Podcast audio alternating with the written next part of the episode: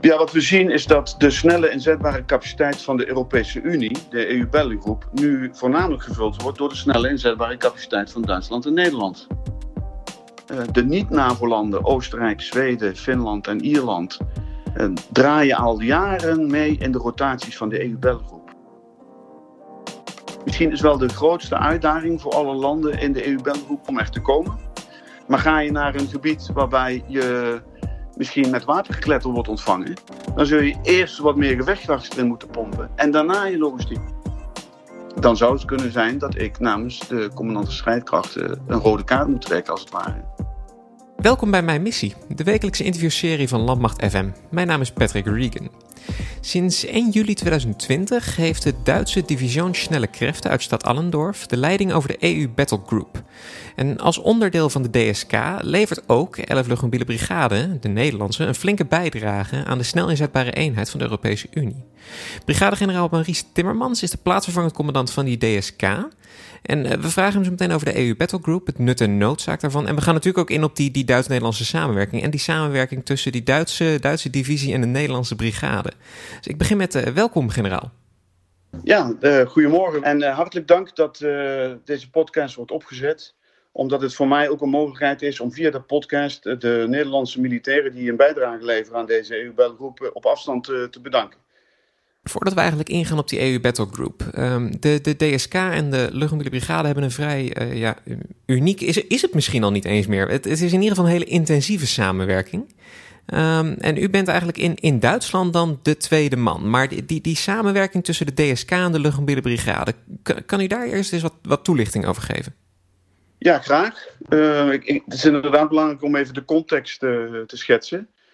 Uh, de Division Snelle Kräfte is een van de drie divisies van de Duitse landmacht. Is opgericht in uh, 2014.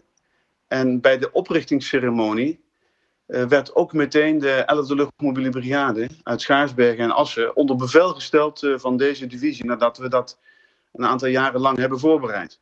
En daarmee kwam eigenlijk de snelle inzetbare capaciteit van de Duitse landmacht, eigenlijk van de Duitse krijgsmacht, en een deel van de, van de Nederlandse snelle inzetbare capaciteit werd onder één commando uh, gebracht. En dat hoofdkwartier dat is in stad Allendorf in, in Hessen, een klein plaatsje in Hessen. Daar werken twaalf uh, Nederlandse militairen die de integratie, de Duits-Nederlandse integratie van deze eenheid moeten bevorderen uh, sinds 2014. En een van die twaalf is een Nederlandse generaal. Ik ben inmiddels de derde Nederlandse generaal die ter plekke is. Um, in de eerste instantie was de generaal de grote bewaker van het juist integreren van de Nederlandse capaciteit in een grotere Duitse formatie. Maar vandaag de dag merk ik gewoon dat de Nederlandse generaal een volwaardige uh, Nederlandse plaatsvervanger is van een grote Duitse, snelle, inzetbare militaire capaciteit. En daarmee toont Duitsland ook het vertrouwen wat ze hebben in uh, de Nederlandse bijdrage aan, uh, aan de DSK. Want om de, de, ja, het eigenlijk heel simpel te zeggen, het is een Duitse divisie. Divisie, daar vallen inderdaad drie, drie brigades onder. En de Nederlandse brigade is daar dan één van, eigenlijk. De twee belangrijkste componenten van deze divisie uh, zijn aan de ene kant een Duitse brigade met parachutisten. Mm -hmm. die zijn ook in, in, Europa, maar meer dan dat, zelfs buiten Europa, specialist op hun vakgebied inzet via de parachute. Het gaat om ongeveer 2000 uh, man. Dat is echt een, behoorlijke grote en snel inzetbare capaciteit. Mm -hmm. En aan de andere kant de Nederlandse 11e brigade, die weliswaar ook parachutisten heeft, maar vooral uh, gespecialiseerd zijn in het optreden met helikopters. Um, en de Duitsers waren in 2014 zeer geïnteresseerd om te leren van de Nederlanders hoe kan ik, want ze hebben zelf ook een grote helikoptercapaciteit. En in de loop der jaren hebben ze die know-how een beetje verloren. Vanaf 2014 wilden ze die know-how uh, onder andere weer opbouwen door Nederlanders te betrekken bij hun operaties. Kort en goed, je ziet vandaag de dag, hè, nadat we sinds 2014 samenwerken, dat uh, de Duitsers inmiddels gewend zijn aan de Nederlandse inbreng met helikopters. En daar ook graag zelf gebruik van maken. En wij Nederlanders hebben weer veel meer geleerd over de inzet via de parachute. En zo is, kun je zeggen dat 1 en 1 leidt tot 3. Dus daar zijn we heel erg blij mee van beide kanten. 1 en 1 leidt tot 3. Maar ik kan me wel voorstellen dat het, het is ja, nu zes jaar. Dat is eigenlijk voor een uh, zo'n intensieve samenwerking nog vrij jong. Uh, zijn er ook nog dingen die, die stroef verlopen? Zijn er nog stukken die we van elkaar moeten leren ook? Um, ja, waar, waar, het met name nog even, uh, waar we nog even tempo moeten maken, dat is de technische integratie. Want we kunnen relatief eenvoudig onze doctrine en onze tactische procedures op elkaar afstemmen. En het eens worden over hoe we een operatie uitvoeren. Maar je moet ook met elkaar kunnen praten uh, op grotere afstand en dus dezelfde verbindingsmiddelen hebben. Uh, bijvoorbeeld, hè, is maar een voorbeeld. En daar zijn we nog niet 100% uh, op elkaar ingesteld en, en, en, in connectie, zeg maar. Dus dat is een voorbeeld waarvan ik zeg, dan moeten we nu snel ook gaan regelen dat we daar volledig plug-in en play hebben. Dus er is nog best wel wat werk te doen in de stad Allendorf op dat gebied. Ik ben ook wel, uh, wel benieuwd. Heel vaak als we het hebben over Duits-Nederlandse samenwerking, dan gaat het over uh, Duitse uh, hiërarchie en Nederlandse directheid, en misschien ook Nederlandse vrijheid. nu bent u ja, de, de, tweede man. De commandant is de Duitse generaal-major Andreas Hanneman. De, de, relatie tussen jullie, is, is dat dan ook een heel erg rigide, hiërarchische Duitse generaal-major en een wat losse, overal tegenaan schoppende Nederlandse generaal? Of hoe zit dat?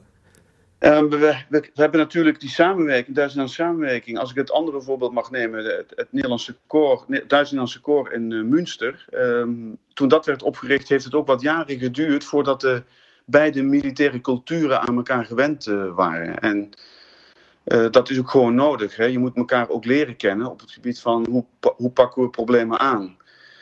Um, dat is in stad Allendorf natuurlijk ook nog gaande. Uh, nou is het wel zo dat als je met 12 Nederlanders in een staf van ongeveer 160 Duitsers werkt, hm. je moeilijk kunt verwachten dat die 160 Duitsers zich, zich volledig gaan richten op uh, de Nederlandse militaire cultuur. Ja. He, dus uh, when in Rome, do as the Romans do, is hier ook een beetje uh, aan de orde. Dus ik zeg ook tegen de Nederlandse militairen, ja, wij zullen ons toch iets meer moeten aanpassen aan onze Duitse collega's dan de Duitsers aan ons. Anderzijds we werken vooral via NAVO-procedures. En in operaties de, uh, gebruiken we de Engelse taal. Uh, en het besluitvormingsmodel wat we gebruiken is ook van de NAVO. Dus als het recht op aankomt, eh, dan, ja, dan moeten beide zich richten op, op een gezamenlijke aanpak. Dat is een beetje de, de, way of life voor ons in Stad Allendorf. En nou om dan vanuit Stad Allendorf de, de brug te maken naar Brussel. de Division Snelle Kräfte, als ik het goed begrijp, is nu de, de leidende eenheid eigenlijk binnen de EU Battle Group. Is dat een, een correcte manier om het te zeggen? Ja, wat we zien is dat de snelle inzetbare capaciteit van de Europese Unie, de EU Battle Group, nu voornamelijk gevuld wordt door de snelle inzetbare capaciteit van Duitsland en Nederland. en, dat, en dat is mooi. Het is eigenlijk een logische keuze om, um, en dan praat ik over een paar jaar geleden, toen de EU een EU Battle Group voor dit jaar plande dat Duitsland en Nederland in overleg zijn gegaan. Hebben gezegd van kunnen we nu eens kijken of we die samenwerking eh, die, in, die in Duitsland zo goed loopt tussen de DSK en de 11 brigade ook gewoon nu eh, gaan gebruiken. En ik, ja, ik ben daar persoonlijk natuurlijk erg trots op, en de generaal Hanneman ook, dat na zoveel jaren samen oefenen en trainen en alles op elkaar afstemmen, deze capaciteit ook gebruikt wordt door Duitsland en Nederland voor datgene waar we al die jaren voor werken. Dus en je ziet dus nu ook dat uh, een Air Maneuver Task Force, zoals we dat noemen, dus waar we infanterie en helikopters uh, bij elkaar brengen in de gevechtskracht van deze EU-belgroep, mm ja, dat, dat dat samenwerkingsverband is waar we zoveel jaren aan gewerkt uh, hebben. Duits geleid, maar je ziet overal op alle niveaus dat er een Nederlandse plaatsvervanger is. Hè? Zoals ik plaatsvervanger ben van de Force, die op dit moment standby staan, is de plaatsvervanger van uh, de Core Battlegroup, van het Air Maneuver Task is de bataljonscommandant, de Nederlandse bataljonscommandant van de luchtmobiele brigade in Assen. Ja, dus die lijn wordt gewoon doorgetrekt in de organisatie van deze troepenmacht. Nou is er één uh, uh, woord of één kreet die altijd bij me opkomt als het over een EU Battlegroup gaat, maar volgens mij klopt die niet. Dus voordat we het hier verder over hebben, moet ik toch de term Europees leger noemen. Is dat nou een term die van toepassing is of niet? Nee, ik geloof niet dat dat de, het juiste etiket is waar we over praten. Het is een Europese ad hoc, uh, in elkaar uh, ingespeelde troepenmacht, uh, die op rotatiebasis door de landen van de EU wordt geleverd. Ehm, dat, is, dat is denk ik eh, iets heel anders dan waar de meeste mensen beeld bij hebben als ze praten over een Europees leger. Want dat ad hoc klaarstaan, um, eigenlijk als ik het ehm, moet vergelijken, dan, dan komt ook een klein beetje bijvoorbeeld een, een, een NAVO Response Force bij me op. Gewoon een, een, een eenheid. Die bestaat uit allerlei andere landen die leveren daar troepen aan. Um, en op het moment dat het nodig is, dan wordt die uitgezonden. Dat is dan denk ik de, de, de, misschien de beste vergelijking om met, met de EU Battlegroup te trekken, of niet? Ja, volledig, volledig juist. Dat is een hele goede vergelijking. Overigens, wat ik zelf, als ik eerlijk gezegd, ook niet wist uh, en de afgelopen jaar uh, heb ontdekt, is dat er elke keer twee EU-battlegroups worden gereedgesteld door de Europese landen. dus naast onze EU-battlegroep is ook een amfibische EU-battlegroep die door Italië en Spanje wordt geleid. Die staat op dit moment ook standby. En zo heeft Brussel op ieder moment twee uh, standby uh, eenheden van, nou, laten we zeggen, brigadegrootte om in te zetten daar waar een crisis dit vraagt en waar Brussel over besluit. Inderdaad, daar waar een, waar een crisis is. wat voor situaties is het dan denkbaar dat deze macht wordt ingezet? Um, de taken voor de potentiële taken voor de battlegroep variëren in het geweldspectrum van zeer laag. En, en dan moet u denken aan, uh, aan humanitaire operaties tot en met uh, ja, best wel hoog in het geweldspectrum. Dus vredesafdwingende taken en alles wat, daar, wat daartussen zit. Hè. Uh, de EU heeft die taken gewoon vastgelegd in, ehm, in hun documenten. vroeger spraken we over de Petersberg-taken, dat, zo noemen ze niet meer tegenwoordig. En het is natuurlijk ook zaak dat in de voorbereiding van een EU-battlegroep wij ons gericht hebben op die taken. Dus we hebben gekeken naar welke capaciteiten hebben de negen landen die deelnemen ingebracht. En kunnen we al die taken afdekken? En dat proces hebben we zorgvuldig doorlopen samen met deze landen. En we hebben alle capaciteiten in huis om uh, humanitaire taken tot en met vredesafdwingende taken uit te kunnen voeren welke uh, andere landen er allemaal onderdeel van uitmaken. Om gewoon één keer het lijstje even compleet te maken, zodat iedereen zijn eer heeft gehad. Ja, laat ik het dan keurig doen uh, zoals Brussel dat wenst. Hè? En de NAVO ook. Dat is namelijk in alfabetische volgorde.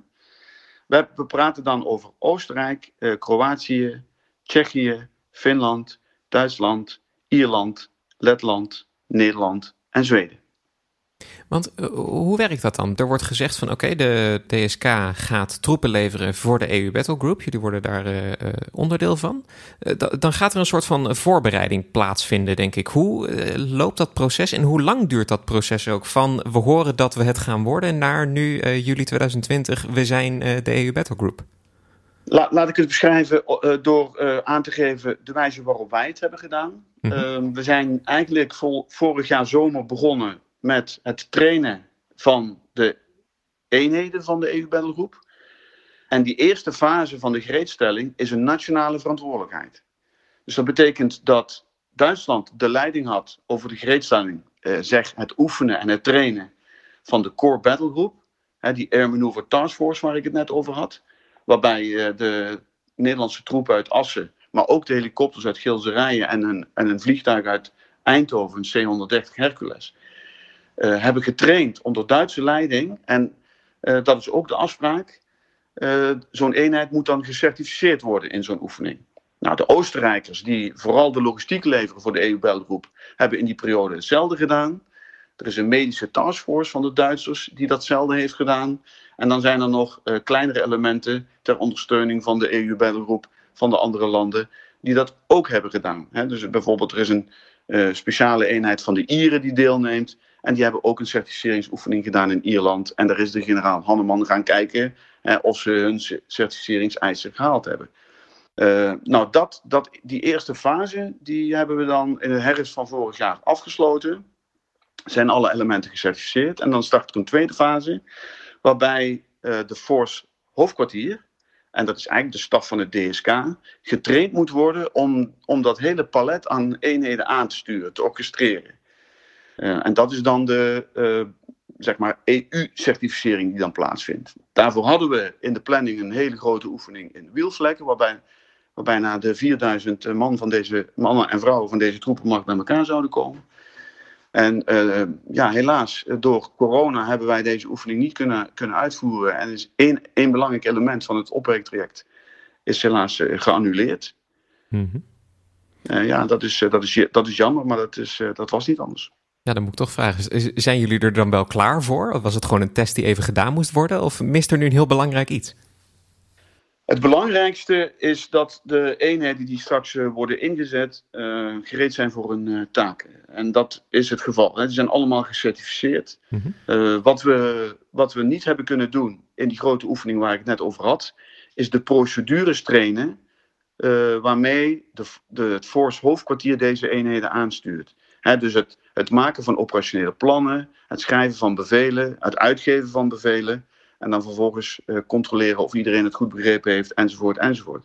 Dat proces hebben wij niet kunnen doen. Dat doen we nu wel op afstand, hè, zoals uh, iedereen op dit moment op afstand werkt. Dus de Standard Operational Procedures, uh, die beschrijven hoe we samen optreden, die hebben we geschreven, die hebben we doorgesproken. En dus het uitvallen van die oefening heeft wel zijn impact, maar die zijn voor ons zeer zeker acceptabel. Dus we blijven met vertrouwen naar de toekomst kijken mochten we ingezet worden. Het, eh, lijkt ons dan op dat moment geen showstopper. Je zegt ook zelf al, uh, uh, ja, de naam is al Standard Operating Procedure. Het is ook uiteindelijk gewoon waar het, het, ja, het hoofdkwartier van de DSK voor is om zulke soort eenheden aan te sturen. Dus ik denk dat er ook al genoeg ervaring is met dat soort, dat soort oefeningen ook. Dat, dat klopt. bovendien, als je kijkt naar de landen die deelnemen, de niet-NAVO-landen, Oostenrijk, Zweden, Finland en Ierland, draaien al jaren mee in de rotaties van de EU-belgroep. Die, die, die haken relatief gemakkelijk aan in dit soort uh, procedures. Bijna bij elke rotatie van de EU-belgroep zie je elementen van deze vier landen terugkomen. En de andere landen zijn allemaal NAVO-lid.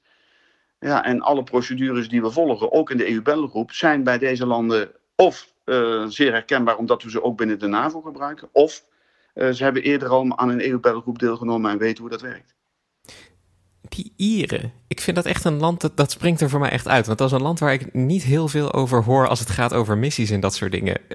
Is dat een bijzondere club om daarbij te hebben? Of zijn het ook gewoon uh, militairen net als ieder ander? Het zijn, uh, het zijn net, militairen net zoals ieder ander. ook zeer ervaren daar waar het gaat om EU-operaties.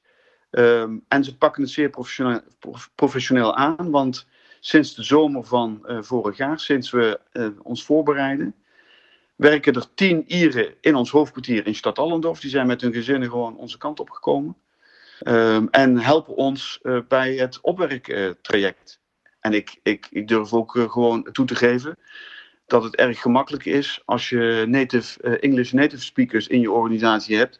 hè, zodat die onze bevelen nog even kunnen checken op de juiste taal. nee, dat even gek schertsend. Maar een zeer professionele nou, van omvang natuurlijk beperkte capaciteit uh, van Ierse zijde, maar wel zeer uh, professioneel. Ja, en we gebruiken natuurlijk ook in onze contacten met de andere landen in de EU-belgroep de ervaringen uh, van onszelf. En die delen we en, en we leren ook van de andere landen. Dus kijk, als ik het voorbeeld mag geven, Zweden heeft een, een hele lange traditie van het deelnemen aan, aan VN- en EU-operaties. Dus we kunnen ook in, in, deze, in deze opdracht veel van de Zweden leren of van de Ieren. Maar als het gaat over uh, diepgaande en goed afgestemde uh, procedures, kunnen bijvoorbeeld de niet-EU-landen uh, heel veel leren van de NAVO-landen. Dus de, ja, en zo word je gezamenlijk sterker. Want de, de, de NAVO is nu een paar keer genoemd. de EU Battlegroup en de NAVO. Zit daar een samenwerking tussen? Vullen die elkaar aan? Of hoe werkt dat? Uh, het, het, is zo dat er uh, wederzijdse steun kan worden uh, gevraagd en geleverd. Dus het kan zo zijn dat Brussel aan EU-zijde aan de NAVO vraagt om te ondersteunen. Daar zijn politieke afspraken over gemaakt. En dat kan ook andersom zijn. Dus dat is inderdaad mogelijk. Want we zeiden nu uh, Brussel aan EU-zijde, maar er is ook een Brussel aan NAVO-zijde. Eigenlijk al deze, deze samenwerkingsverbanden zijn uh, Brussel. Staat u nu onder uh, ja, bevel van Brussel of zit er ook nog een Nederlandse ja, tussenstap in, zeg maar? De hele voorbereiding wordt natuurlijk met Nederland afgestemd. Het moet natuurlijk duidelijk zijn dat de taken die de landen potentieel kunnen uitvoeren in een missiegebied van tevoren worden besproken met de deelnemende landen, met de hoofdsteden. Dat is in, in, in dit geval natuurlijk ook weer uh, gebeurd. Ehm, en straks, uh, mochten we worden ingezet, dan heb ik als, ben ik naast uh, plaatsvervangend commandant van de gele troepenmacht, ben ik ook de Senior National Representative voor Nederland. Ja. Dus potentieel, in het uiterste geval, kan ik namens de commandant der strijdkrachten, na, namens admiraal Bouwer, zou ik op het moment dat we een missie, in een missie terecht zouden komen, waarvan Nederland denkt, dit past niet bij de taken uh, die bij de EU horen. Het is, het is heel erg uh, theoretisch wat ik nu zeg natuurlijk. Mm -hmm. uh, dan zou het kunnen zijn dat ik namens de commandant strijdkrachten een rode kaart moet trekken, als het ware. Om te zeggen van, eh, nou, dit is eigenlijk niet de taak waarvoor we ingezet zijn. Maar daar zijn inderdaad van tevoren al hele duidelijke afspraken over gemaakt, waardoor uh, uh, ja, dat, dat is wel een hele extreme situatie die we nu, nu omschrijven. Precies, precies. Dat is eigenlijk een situatie die we zelden tegenkomen, hè? omdat je van tevoren aan de voorzijde zo'n goede afspraken maakt over waar, waartoe, waartoe dient deze troepenmacht. Ehm, en welk mandaat krijgt de generaal, generaal Hanneman om deze troepenmachten in te zetten. Uh, we hebben het nu over inzet. Ik heb natuurlijk voor dit, uh, voor dit gesprek eventjes uh, ons ouderwetse defensie.nl bekeken. En eens gekeken wat daar dan staat over de EU Battlegroup. En er staat, het is in staat om wereldwijd missies uit te voeren van 30 tot 120 dagen. Het mogelijke inzetgebied bevindt zich in principe binnen een straal van 6000 kilometer van Brussel. Dan heb ik gekeken, 6000 kilometer van Brussel, daar zit Mongolië, dat is China, dat is het Midden-Oosten, dat is Noord- en Midden-Afrika. En zelfs nog een heel klein beetje Oostkust Verenigde Staten.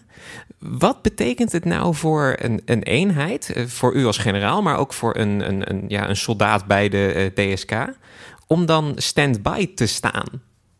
Ja, dat is een, een, een uitdaging voor uh, de landen die deelnemen en voor de leiding, in dit geval Duitsland, van de EU Battlegroup.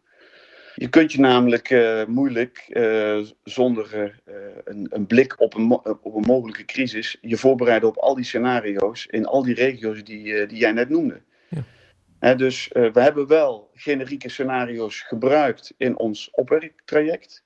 Zowel in een omgeving waarbij we te maken hebben met een warm welkom, als een omgeving waarbij we te maken hebben met vijandig, of kunnen hebben met vijandigheden. En we onszelf misschien erin moeten vechten, als ik uh, als deze ter terminologie mag gebruiken. Hm. Uh, beide is, is mogelijk en dus moeten we daar ook op voorbereid zijn. Maar het blijft in deze fase generiek.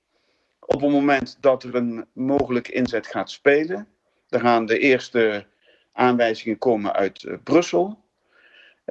dan gaan we kijken naar het potentiële in inlichtingengebied, naar de spelers daar, naar de crisis die daar gaande is.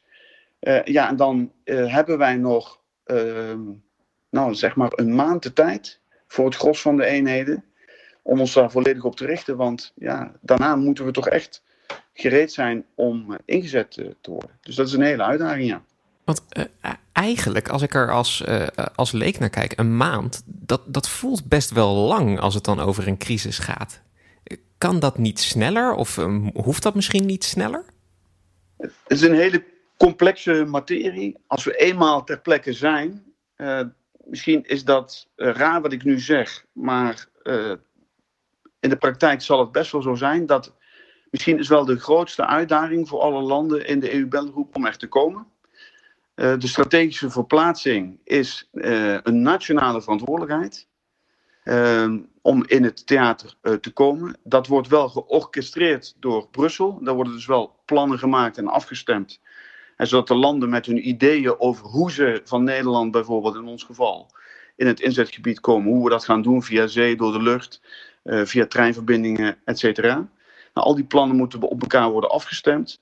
Uh, zodat we ook gezamenlijk uh, en in de juiste volgorde ehm, in het inzetgebied komen. Want je, je kunt je voorstellen, zoals ik net heb beschreven, dat als je in een theater terechtkomt waar je waarschijnlijk ver echt verwelkomd wordt, dat je je kunt veroorloven om eerst je logistiek in te brengen en wat minder gevechtskracht. Je zult natuurlijk altijd genoeg gevechtskracht erbij moeten zetten om veilig aan te komen. Maar ga je naar een gebied waarbij je misschien met wapengekletter wordt ontvangen, dan zul je eerst wat meer gevechtskracht erin moeten pompen en daarna je logistiek. dus uh, dat is nog een, uh, een redelijke complexe materie om überhaupt in het theater te komen. En als we eenmaal in het theater zijn en we hebben al onze capaciteit bij ons, ja, dan zijn we ervan overtuigd dat we onze opdracht kunnen uitvoeren en onze wil op een eventuele tegenstander kunnen opleggen. En dan is het ook een kwestie van, als we dan er naartoe moeten, dan kunnen we er maar beter voor zorgen dat de eerste keer dat we aankomen dat het goed is. Want ja, een, eerste indruk kun je geen tweede keer maken, zeg maar. precies. Ja, je moet meteen je stempel drukken op, op de situatie ter plekke. Ik was nog, ja, u bent nu uh, als uh, generaal bij de divisionele krachten. u ziet Europese defensiesamenwerking ja, vanaf het front, als we dan daar echt een militaire term voor gaan gebruiken. Denkt u dat dit een, een, een, ja, een manier van samenwerken is die misschien in de toekomst groter wordt? Of zijn we nu op de limiet van hoe we zo samen kunnen werken? Nou, we zijn nooit uh, op de limiet. De wereld verandert snel, de positie van Europa verandert snel. En je ziet ook dat er in Brussel uh, discussie gevoerd wordt over de EU-battlegroep. Uh, wij overigens laten ons niet leiden door het gegeven dat de EU-battlegroep nog nooit is ingezet. daar praten wij niet over. Wij gaan ervan uit dat we worden ingezet. En we bereiden ons zo goed mogelijk voor, ook onder corona-omstandigheden. Ook in de stand-by-periode gaan we gewoon door met voorbereiden en trainen. Maar ik weet natuurlijk dat ze in Brussel praten over uh, hoe gaan we in de toekomst uh, verder met de EU-belgroep. En moeten we nog een keer kijken naar de taken? mogen, kunnen we iets ambitieuzer zijn? hoe zit het met die stand-by-periode? Is die zes maanden wel, wel, wel oké? Of moeten we langer stand-by zijn? Want het is een hele effort om voor zes maanden zo'n troepmacht op te zetten. dus ja, goed, dat is aan het politieke dek. En daar ga ik als generaal niet over. Maar ik volg het wel met, met heel veel belangstelling. want het is wel belangrijk dat we in Europa ook die rol vervullen die de politieke ambitie uitspreekt. Dus dat met militaire capaciteit ook kunnen invullen. Ik, ik wil nogmaals benadrukken dat ik persoonlijk erg trots ben op het feit dat we na vele jaren gezamenlijk trainen eh, binnen het samenwerkingsverband DSK 11e Brigade, eh, dat we nu ook een capaciteit gewoon inzetten. Want uiteindelijk, prio 1 is inzet. En alles wat we doen aan opleiden en trainen, is een afgeleide daarvan. Onwijs bedankt voor het luisteren. Mijn gast vandaag was brigadegeneraal Maurice Timmermans. Ben je nou fan van de show? Help ons door een review achter te laten op Apple Podcasts of Stitcher. Of raad de show aan bij vrienden, familie, collega's. Ben je nou benieuwd naar een onderwerp dat wij moeten behandelen? Tweet dan met de hashtag Mijn Missie of stuur ons een bericht op Facebook of Instagram. Mijn Missie is een productie van de Koninklijke Landmacht. Nieuwe afleveringen komen iedere maandagochtend online en je vindt ze in de meeste podcastspelers. Je volgt Koninklijke Landmacht via Twitter, Instagram, Facebook en YouTube en check defensie.nl voor het laatste nieuws rondom de krijgsmacht. Nogmaals, onwijs bedankt voor het luisteren en tot de volgende week.